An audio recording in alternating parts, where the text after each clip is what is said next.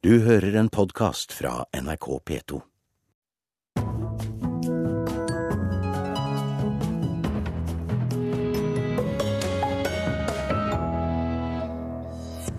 Regjeringens lokkemidler for å få private til å donere pengegaver duger ikke, sier museumsdirektører. Norske medier skriver ikke nok om EUs påvirkning på Norge, mener forsker. Og mange kopier av Nikolai Astrup har bevisst blitt solgt som ekte Astrup-bilder, hevder barnebarnet til den kjente kunstneren. Har du for vane å snakke til TV-en din? Ja, da kan du gå en lys fremtid i møte, for snart kan det hende du får svar.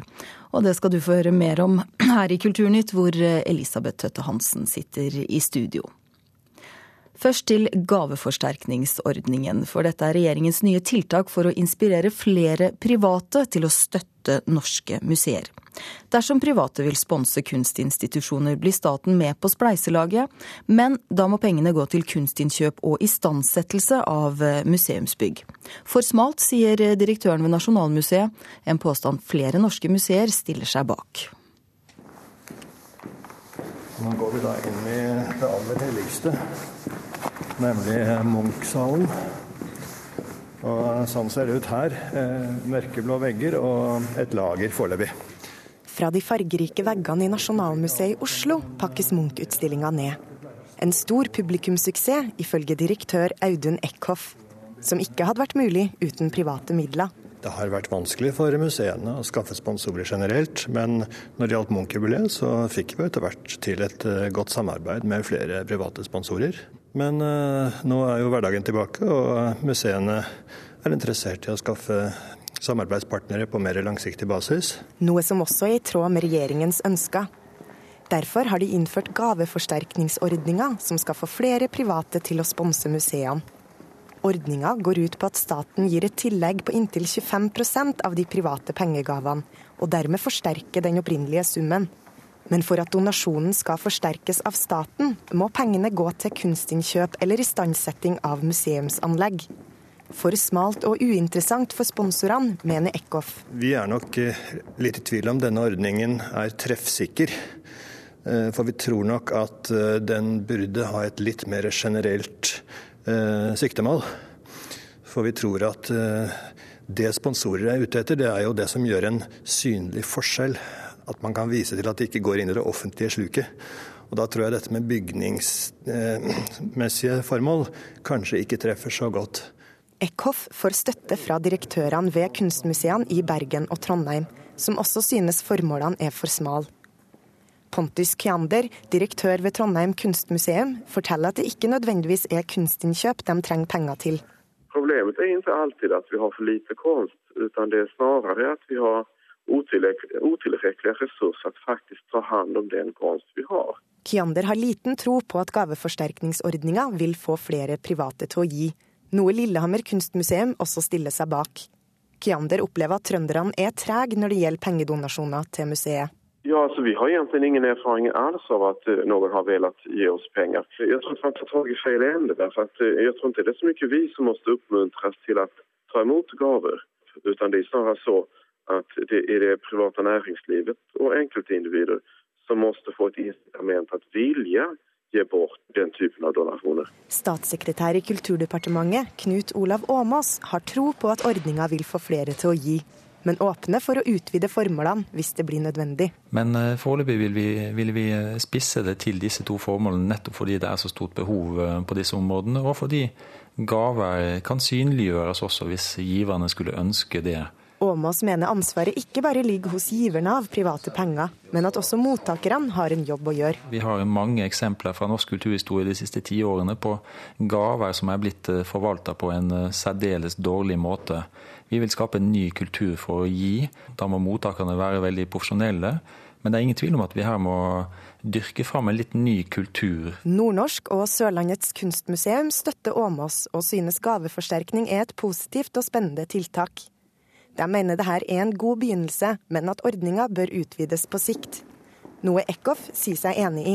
Det er jo eh, positivt eh, at vi merker oss at den nye regjeringen er interessert i å legge til rette for at eh, spesielt museer skal lettere få opprettet støtteavtaler og sponsoravtaler med private aktører. Så det er vi veldig glad for. Reporter her var Åsta Hoem Hagen.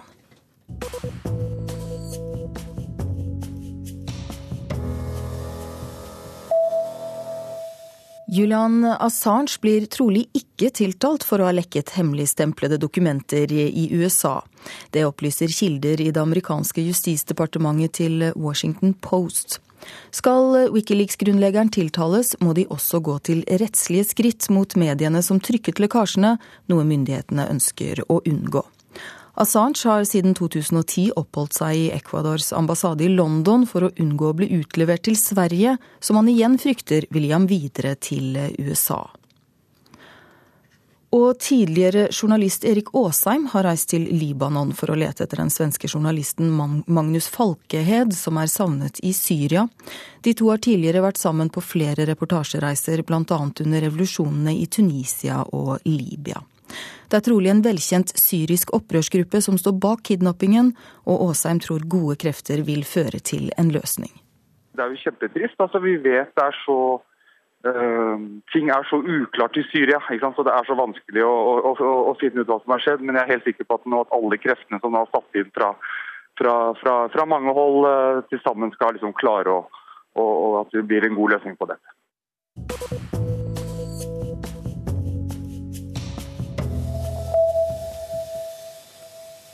TV-en kan snart være endret for alltid.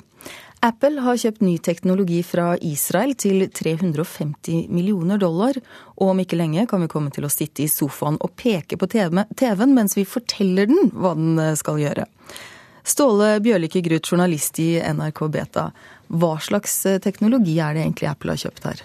Det de har kjøpt nå, er en sensorteknologi som også er velkjent fra tidligere i Microsoft-produkter, bl.a. spillkonsollen Xbox, som har et, en tilleggsfunksjon som heter Kinect, hvor, kan, hvor den registrerer bevegelsen som er gjort eh, foran TV-skjermen, for å integrere den i spill og andre interaktive program på TV-en. Men her er det ikke snakk om bevegelse, her er det snakk om stemme òg, altså? Ja, forhåpentlig så klarer de å kombinere begge teknologiene. Vi, vi, kjenner jo til at Apple tidligere eh, har også lansert en eh, hjelpefunksjon på telefonen som heter Siri, som gjør at du kan snakke til telefonen, og den hjelper deg på en måte å løse oppgaver som å sette en alarm på eller eh, sånne, sånne ting da, som har, har øka tilgjengeligheten på, på, teknologien drastisk. Også for, for blinde f.eks. og folk som trenger ekstra hjelp. da. Men, men, hva her da, hvis vi skal snakke til TV-en? Hva om det er flere som snakker på en gang? Hva, hva skjer da? Eh, nei, Forhåpentligvis så klarer de å, å, bygge en teknologi som er, er såpass avansert at den klarer f.eks. å skjelne stemmer og sånne ting. Eh, men da har du jo det, altså hvem, hvem, er det som skal få bestemme? Må man ha rangeringer i huset eller, eller sånne ting? Det, litt, eh, det, blir da litt vanskeligere å, å, finne ut. Men det er jo på en måte snakk om en slags avansert eh, fjernkontroll, kan du si. Så hvis noen er veldig fotballinteresserte, så risikerer man at det er den stemmen som styrer. Men du, eh, fremtidens eh, TV, da, hvordan kommer den til å, til å være? Eh, det er nok ganske mye som kommer til å endres. På, for det første så har du det som skjer inni TV-en, som vi begynner å se på en måte konturene av, med f.eks. framveksten av nett-TV-tilbud som Netflix og, og andre aktører. Eh, og så har du den, den sida som Apple nå har um, gjort et, eh, eller vist oss et lite frampek på da, ved å kjøpe den her teknologiprodusenten som, som, tar seg av sensorer og sånne ting. Så det vi, vi, antar kommer til å skje med Apple, er at de klarer å bygge et, et TV-apparat som rett og slett klarer å, å, pakke inn de her sensorene, sånn at Eh, ja, sånn at du bare kan sette opp en, en TV i stua, så fungerer alt. For at uh, Fram til nå så har du på en måte måttet kjøpt deg ganske mye ekstrautstyr, og det er litt sånn klumpete og, og, vanskelig å få, få ting til å, til å, fungere samtidig. da. Men det Apple er kjent for, er jo på en måte altså de klarer å pakke inn produktet i en god løsning, og så, så fungerer det veldig fint. Sånn som man kjenner fra iPhone og, og ja, iPad, alle mulige sånne ting som, som bare har, har løst seg, da, kan du si, etter at Apple kom på banen. Hvor fort kan vi da se for oss at denne nye TV-virkeligheten kommer? For det høres litt ut som det er på et sånt forsøksstadie fremdeles? Ja, det, kan, det er nok det. det. det. er veldig mye som skal stemme når det gjelder TV-en. Vi, vi ser jo på en måte at brukervanene allerede er i endring, men det er sånne ting som sikkert kommer til å ta tid. Det handler om rettigheter på TV-innhold i forhold til om man skal altså, spille av senere, eller om det skal gå på direkte-TV, sånne ting. Eh, men det viktigste for, for, Apple sin del vil på en måte være å levere et produkt da, som, som, først som kan være med og på en måte tippe vektskåla, at kanskje flere også ønsker å ta i bruk framtidas TV-muligheter. Eh, men det de har gjort her med å kjøpe det, det selskapet, vitner jo på en måte om at det er noe som, som, kommer til å skje, kanskje om ikke så lenge. For det er også I den siste iPhone, iPhone så har du på en måte mulighet til å få gjenkjent fingeravtrykket ditt. Og det er på en måte resultatet av at de for rundt et års tid siden kjøpte et selskap som er god på fingeravtrykk. Og det, det, her har skjedd, skjedd, flere ganger, da, ulike teknologier som de har kjøpt, de har kjøpt seg spisskompetanse, og så kommer det et produkt etter hvert. Når tror du vi får eh, se en sånn type TV i Norge, da? In, ja, det, forhåpentlig så, så, blir det jo mm, kanskje om et års tid. Sånn. Det er noen som ymter fram på at det kanskje kommer til julehandelen allerede, men det tror jeg blir, det blir nok litt for raskt, sånn som jeg kjenner Apple sitt, eh, sitt tempo og måte å jobbe på. Men kanskje et års tid så, så, kan det være at vi ser noen, noen nye produkter, i hvert fall. Så da kan det altså hende vi kan sitte og skrike til TV-en vår til neste år. Takk skal du ha, Ståle Bjørlykke Gruth, journalist i NRK Beta. Nå til Bergen, for Bryggen i Bergen får trolig stå i fred for eh, Bybanen. Bergenspolitikerne har lenge diskutert om forlengelsen av banen skal legges foran de gamle husene eller i tunnel under sentrum. Nå ligger det an til flertall for å spare Bryggen, etter at ledelsen i Bergen Høyre gikk på et knusende nederlag under møtet i bystyregruppen i går kveld. Jeg er overrasket. Voteringen eh, var 20 for tunnel. Og det, det er jeg litt overrasket over, faktisk. ja. Gruppeleder Dag Skansen smilte tappert, men var like skuffa som han var overraska. Med 20 mot 5 røyster gikk bystyregruppa imot Skansen og den lokale partiledelsen, og gikk inn for at Bybanen ikke skal gå over Bryggen, men i tunnel under sentrum. Jeg har jo argumentert i mange dager og mange måneder og uker med at bybanekonseptet er en dagløsning og er en byutviklingsløsning. Veldig glad for at eh, folk var enig med meg. Eh, jeg ville nok eh, gitt opp for en stund siden hvis jeg så at det var helt umulig. Jeg var jo usikker i forkant av møtet, selvfølgelig. Etter valget i september valgte Peter Christian Frølich å holde fram i bystyret i Bergen, trass i at han ble valgt inn på Stortinget. I går vant han sin største politiske siger, etter å ha agitert kraftig i det lukka gruppemøtet. Altså, jeg har nok ment hele veien at jeg har hatt en veldig god sak. Jeg forstår argumentasjonen til de som ønsker å legge Bybanen over Bryggen, men jeg hadde rett og slett en annen visjon for hva vi kan bruke det byrommet til. Reporter Sølve Rydland. Klokka er kvart over åtte. Du hører på Kulturnytt i P2s Nyhetsmorgen, hvor de viktigste sakene nå er at flyktninger med opphold her i landet bør få bo i hvilken kommune de vil. Det mener Utlendingsdirektoratet. Byrådsleder i Bergen, Ragnhild Stolt-Nielsen fra Høyre, er åpen for en endring. De to største partiene i Tyskland er enige om å danne regjering, men medlemmene av det sosialdemokratiske partiet skal først si sin mening i en uravstemning. Og Politiets sikkerhetstjeneste frykter at sammenstøt mellom ekstreme grupper i Norge kan føre til en voldsspiral. Vold fra én gruppe kan føre til en motaksjon fra en annen, mener PST. Norske medier klarer ikke å gjenspeile EU og Europas betydning for norsk samfunnsutvikling. Det mener direktør ved Norsk utenrikspolitisk institutt, Ulf Sverdrup. I en debatt om medias dekning av Europa i Oslo i går kveld møtte han EØS- og EU-minister Vidar Helgesen, som håper at hans ministerpost kan bidra til at norske journalister vil skrive mer om EU. Mens Europa har blitt stadig viktigere for norsk samfunnsutvikling, så er ikke det tilsvarende gjenspeila i norsk media. Det sier Ulf Sverdrup, eh, direktør på NUPI. Han står blant klirrende kaffekopper på Politeknisk forenings debatt i går kveld om norsk presses dekning av EU-spørsmål. For å forstå norsk samfunnsutvikling, så må vi forstå bedre samspillet mellom norske forhold og internasjonale forhold.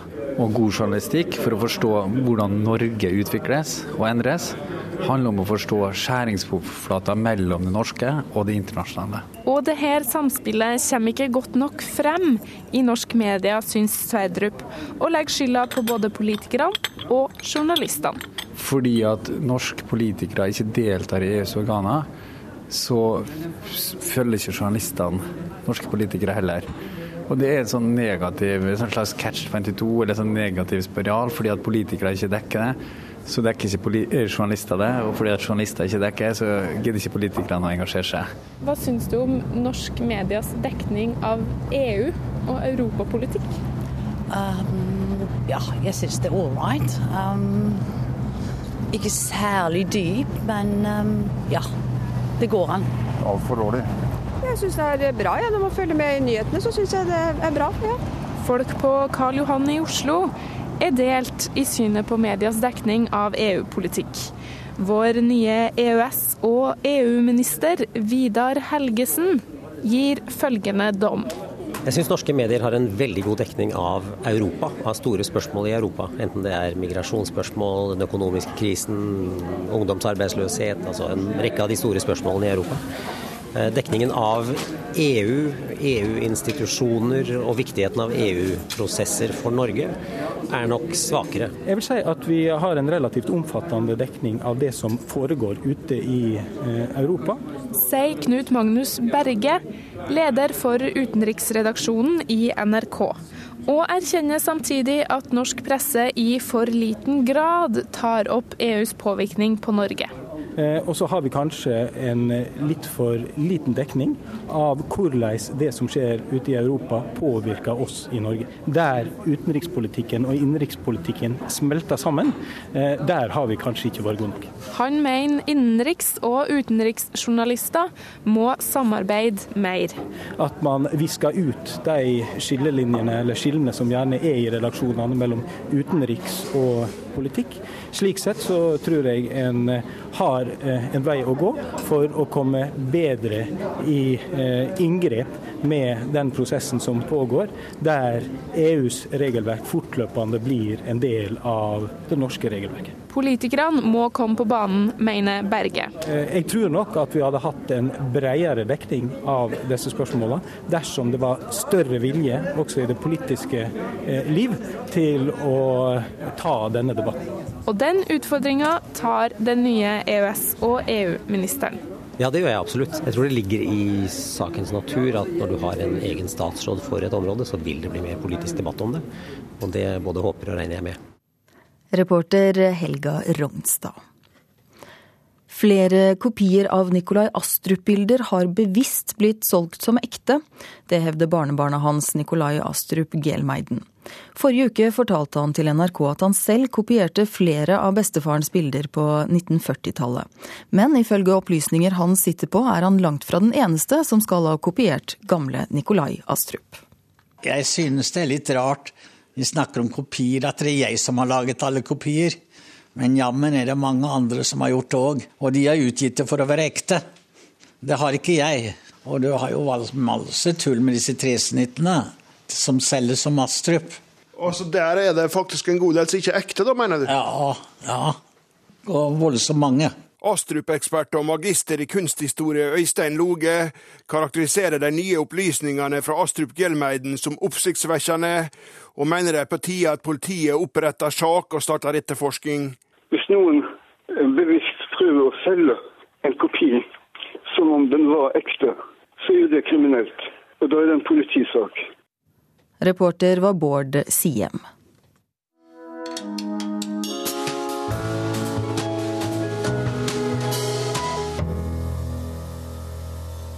Årstallslitteratur er det blitt kalt, bøker som i stedet for å fortelle historie i klassisk forstand, forsøker å trenge inn i ett bestemt år. Dette har tyske Florian Illis gjort eh, med bestselgeren 1913, 'Århundrets sommer', som nå er kommet ut eh, på norsk. Det er blitt en av årets beste bøker, mener vår anmelder Knut Hoem. Så befriende det er å tre inn i et Europa som ennå ikke har opplevd nazismen. 1913 med undertittelen 'Århundrets sommer' er i praksis et år som strekker seg fra januar til desember. hvor vi zoomer inn i arbeidsværelset til Freud i Wien, hvor også Stalin og Hitler kan ha passert hverandre i en park. Derfra zoomer vi ut til togkupeen der Thomas Mann er på vei fra München til en teaterpremiere i Berlin, hvor også poeten Gottfried Benn møter den 15 år eldre kollegaen Else Laske Schuler til det som blir årets rareste kjærlighetshistorie. Det er i Paris og i Berlin og i Wien det skjer. I disse tre byene velger Florian Illis ut de kunstnerne som er nærmest besatt av å skape det nye. Pablo Picasso drar en kam over lerretet fordi han er drevet av en panisk redsel for å bli fullt ut forstått av det borgerlige publikum. Florian Illis metode er synkron, altså samtidig. Han ser ikke på de lange linjene, han gir oss øyeblikksbildene. Hans metode er assosiativ, ikke analytisk. Han børster støv av den utskjelte historisk-biografiske fortolkningsmetode, men ikke for å forstå litteraturen, men for å forstå tiden. Hva kommer så ut av dette nærbildet, utover å være en slags årgangs hvem var hvor? Utover det imponerende oppbudet av historiske kjendiser som passerer revy. Ordet assosiativ kan i dette tilfellet også egentlig byttes ut med litterær. Før han ble den nesten kvalmende vellykkede Die Zeit-redaktøren og kunsthandleren han er i dag, var han kjent som en ironiker, en slags tysk Erlend Loe, med bestselgeren Generasjon Golf fra år 2000 på samvittigheten. Den lette tonen kler det nye emnet, dette ene året før den første verdenskrigen.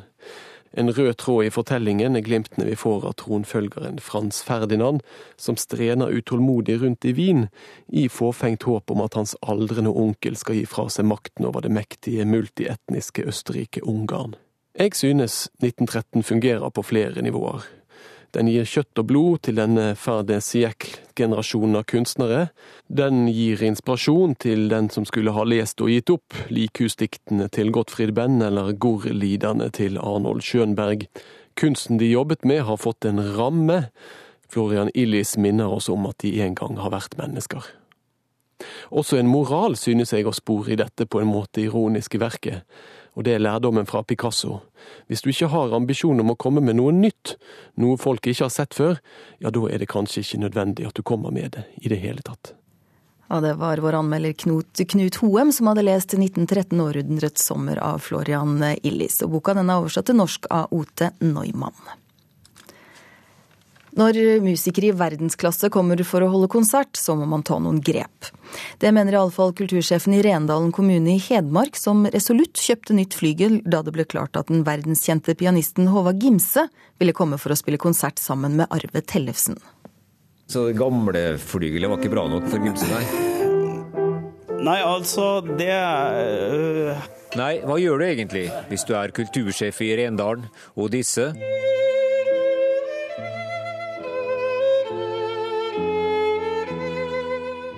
Arve Tellefsen og Håvard Gimse melder sin ankomst til Åkrestua 1.12. Og pianoeksperten din hører på det gamle flygelet og råder deg til Enten leide oss et annet flygel, eller at vi fant noe annet, da. Da kjøper du et nytt? Ja, vi gjorde det. Vi gjorde det.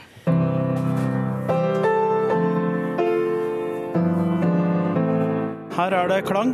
Nå er det snart en pianist i verdensklasse som skal få prøve seg på vårt ja, å få si nyinnkjøpte flygel, da.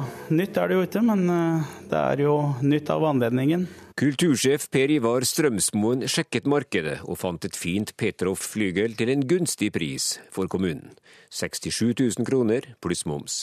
Penger hadde de, trange tider til tross. Ordfører og rådmann var med på saken fra første akkord. Sier kultursjefen. Det gamle flygelet du hører her, tilhører Norges nest eldste symfoniorkester, Ytre Rendal Symfoniorkester. Det har gjort jobben, det også. Åpnet sine tangenter for famlende nybegynnerfingre, og gitt alt på konsert etter konsert. Det som jeg med en gang hører forskjellen på, det er anslaget og diskanten.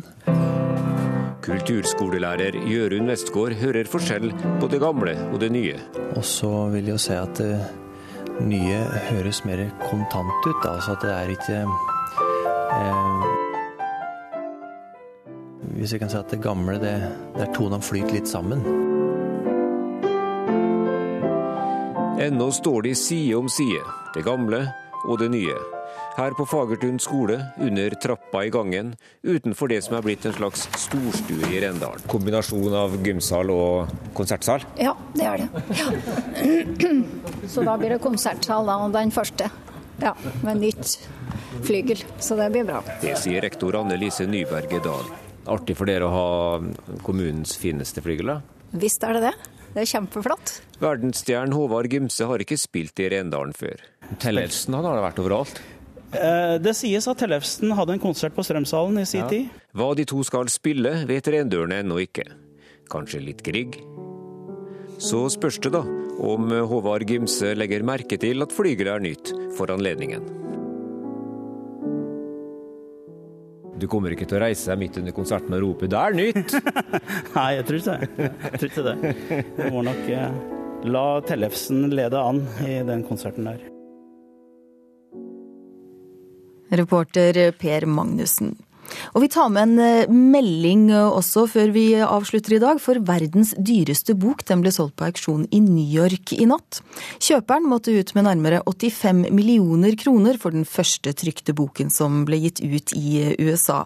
Og det dreier seg om bibelske salmer som puritanske nybyggere i Massachusetts ga ut i 1640. Og med det så takker Kulturnytt for uh, seg i dag, eller vi takker for oss. Og vi har fortalt at flere norske museumsdirektører mener regjeringens lokkemidler for å få private til å donere pengegaver ikke duger.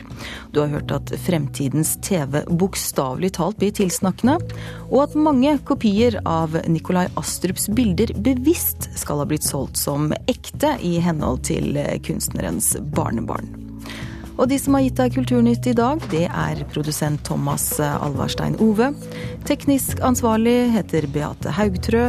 Og her i studio, her har Elisabeth Tøtte Hansen sittet.